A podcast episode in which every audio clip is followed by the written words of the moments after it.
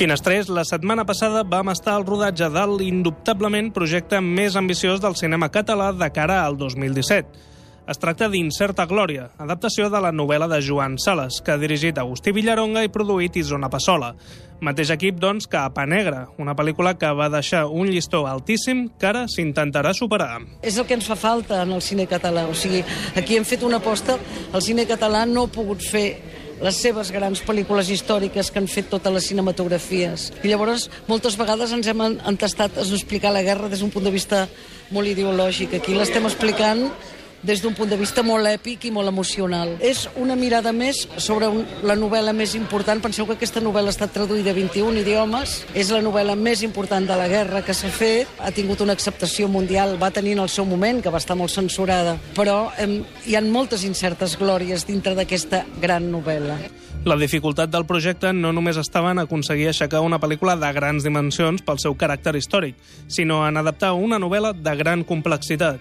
És una gran pel·lícula, és una western, eh? O sigui, penseu que quan traspasses el llibre d'Incerta Glòria amb tota la complexitat filosòfica que té, amb cine no ho pots fer, perquè no pots fer disquisicions filosòfiques, però la imatge i tot el que fas t'ha de situar en el lloc. No? Llavors, la pel·lícula està tractada com una història d'amor molt potent i amb grans passions. Llavors hem agafat uns personatges que ja estaven molt ben escrits a la novel·la dels Sales. Bueno, la novel·la és una novel·la de mil i pico pàgines, complexíssima, té moltíssimes coses. Jo crec que la novel·la Incerta Glòria i la pel·lícula Incerta Glòria, evidentment que té molta relació, però són dues coses distintes. La novel·la hi ha molta disquisició filosòfica, metafísica, inclús religiosa, que és una cosa que desapareix, ha desaparegut bastant en el nostre entorn perquè és una pel·lícula molt més que, que l'acció tira més endavant i es basa sobretot en els sentiments dels personatges.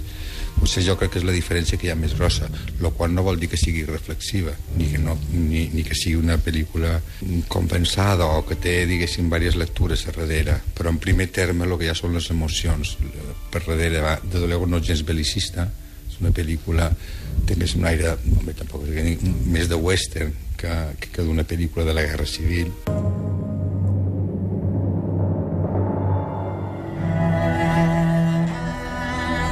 Marcel Borràs és un dels joves protagonistes i també ell explicava les dificultats a l'hora de crear el seu personatge després de llegir la novel·la. Però també una mica la meva feina quasi havia estat d'oblidar-me de la novel·la per centrar-me en el guió, perquè el treball de l'Agustí de la Coral amb el guió ha estat essencialista, no? quedar-se amb coses molt concretes i, jo estava allà llegint-me el guió pensant això no hi és, allò tampoc, no sé què i al final doncs, he agafat el que m'ha servit de la novel·la ho he agafat i el que no he, he anat al guió, que és una mica l'essència de la pel·li.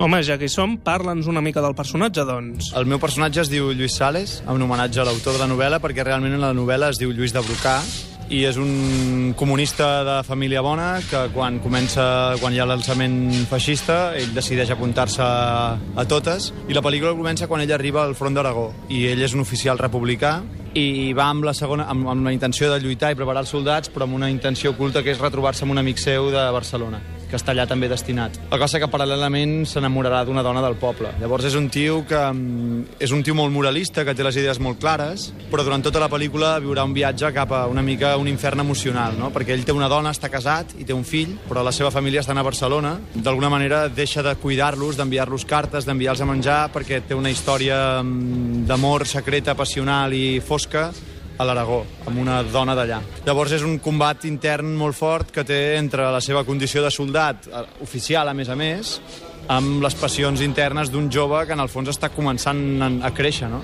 De fet, l'escena que ens van permetre observar tenia el Marcel Borràs com a protagonista en un hospital, intentant ajudar el seu fill malalt. Concretament es rodava al mateix Hospital de Sant Pau de Barcelona, un escenari espectacular degudament ambientat per reflectir l'època en què transcorre la història responsabilitat de la decoradora Ana Álvaro González, que ha tingut un auténtic repte per davant. Lo más complicado ha sido conseguir un suelo, porque realmente en el Hospital de San Pau esta es una parte que se visita y tiene un suelo que es una moqueta. Nos ha costado mucho encontrar un suelo que entrara en presupuesto y que pareciera de época. Hemos encontrado este cintasol estupendísimo, le da un ambiente increíble. Y luego conseguir pues 30 camas iguales como de la época también ha sido otro reto, los radiadores, el poder colocar cosas de luz, el crear toda la conseguir todo el atrezo que va en una sala tan grande como esta ha sido un reto inmenso.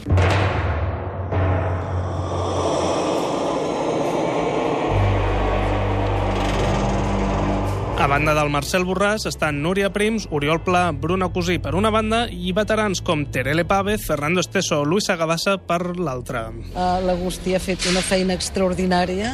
Jo crec que l'Agustí és el gran arquitecte de les emocions i dels sentiments dels personatges.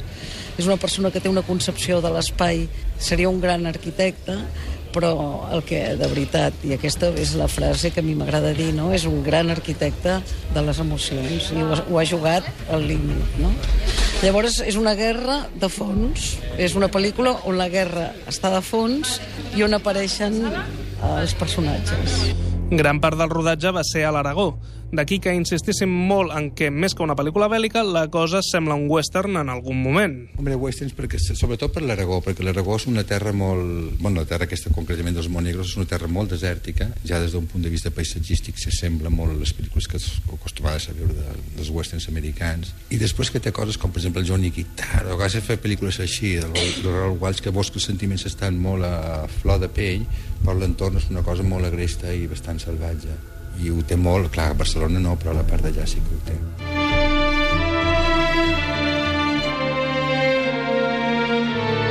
Venen a buscar-te. M'ha avisat un dels civils. Si el culpable li va fer en pitorriua. Que tu estimis el teu home no vol dir que ell sigui innocent.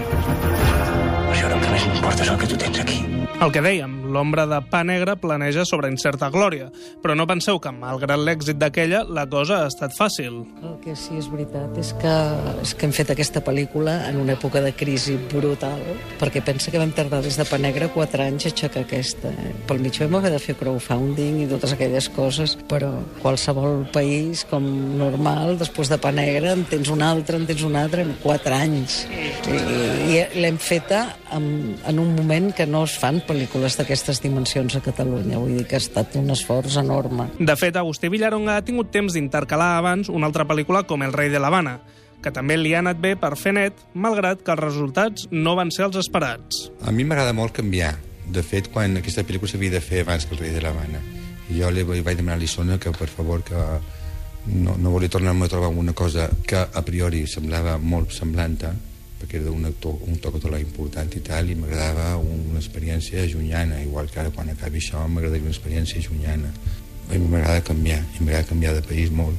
I la sombra de pa negre, evidentment, planeja perquè de repente, eh, concretament de mi, ja li sona que també ens ha obert les portes a fer un cine que més situat, almenys a nivell del país, no? que et dones més a conèixer, no?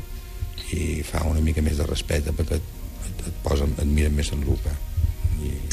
No ho sé, però certa glòria l'he fet sense masses, com es diu, no, al final no, no penses massa, t'abordes. A mi el, el, el rei de l'Havana em, va, em va afectar bastant la reacció que vaig trobar per part de la premsa, em va, em va afectar perquè crec que, no sé, és una pel·lícula no se va entendre i és el que sempre et fa por, no? I per això quan dic que aquesta pel·lícula espero que surti bé, espero que el, la gent l'entengui bé m'entens? Que la proposta entesa. Però clar, vinguent ja dels sales per descomptat, que ja és un autor d'un pas diferent i després aquest guió ha passat moltes cribes i en general ha agradat bastant en la qual vaig més tranquil perquè el que és a nivell d'història penso que pot connectar amb el públic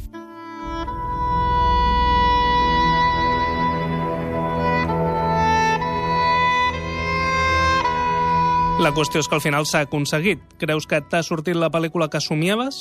Jo crec que és més maca de lo que pensava, sí. No sé, m'agrada. No ho sé, amb el temps m'ha passat que jo els rodatges no els disfrutava mai.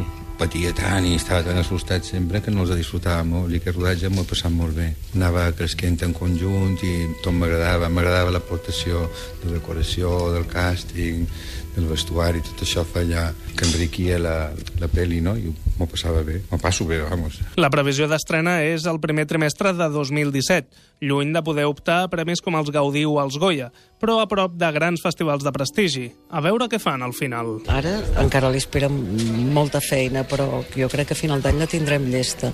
Per tant, la ruta de festivals ens marcarà una mica la data d'estrena. Jo calculo que serà cap al febrer-març. Home, té les seves avantatges i els seus inconvenients. És una etapa molt bona per estrenar, perquè ja han passat els Oscars, i és una etapa que fa 4 anys que no hi ha cap títol fort, queda una mica lluny dels Goyes i dels Gaudís, però si la pel·lícula és bona, doncs ja... I tampoc ho hem decidit, eh? Estem molt pendents de veure per quin distribuïdor optem, perquè jo els hi vull ensenyar acabada, perquè acabada veuran la dimensió de pel·lícula que estem fent i és una dimensió molt potent i per tant no em vull arriscar la distribució ara i després com que, com que hem fet un gran esforç econòmic des de la producció doncs hem de mirar que la, el distribuïdor pugui contribuir a la publicitat i a les còpies i estem encara amb tot això. Doncs estarem esperant amb moltes ganes l'estrena d'Incerta Glòria, un rodatge que sembla ha estat esgotador, a jutjar per la reacció d'Agustí Villaronga quan li van dir que ja havia acabat les entrevistes i podia anar a dinar. Bien.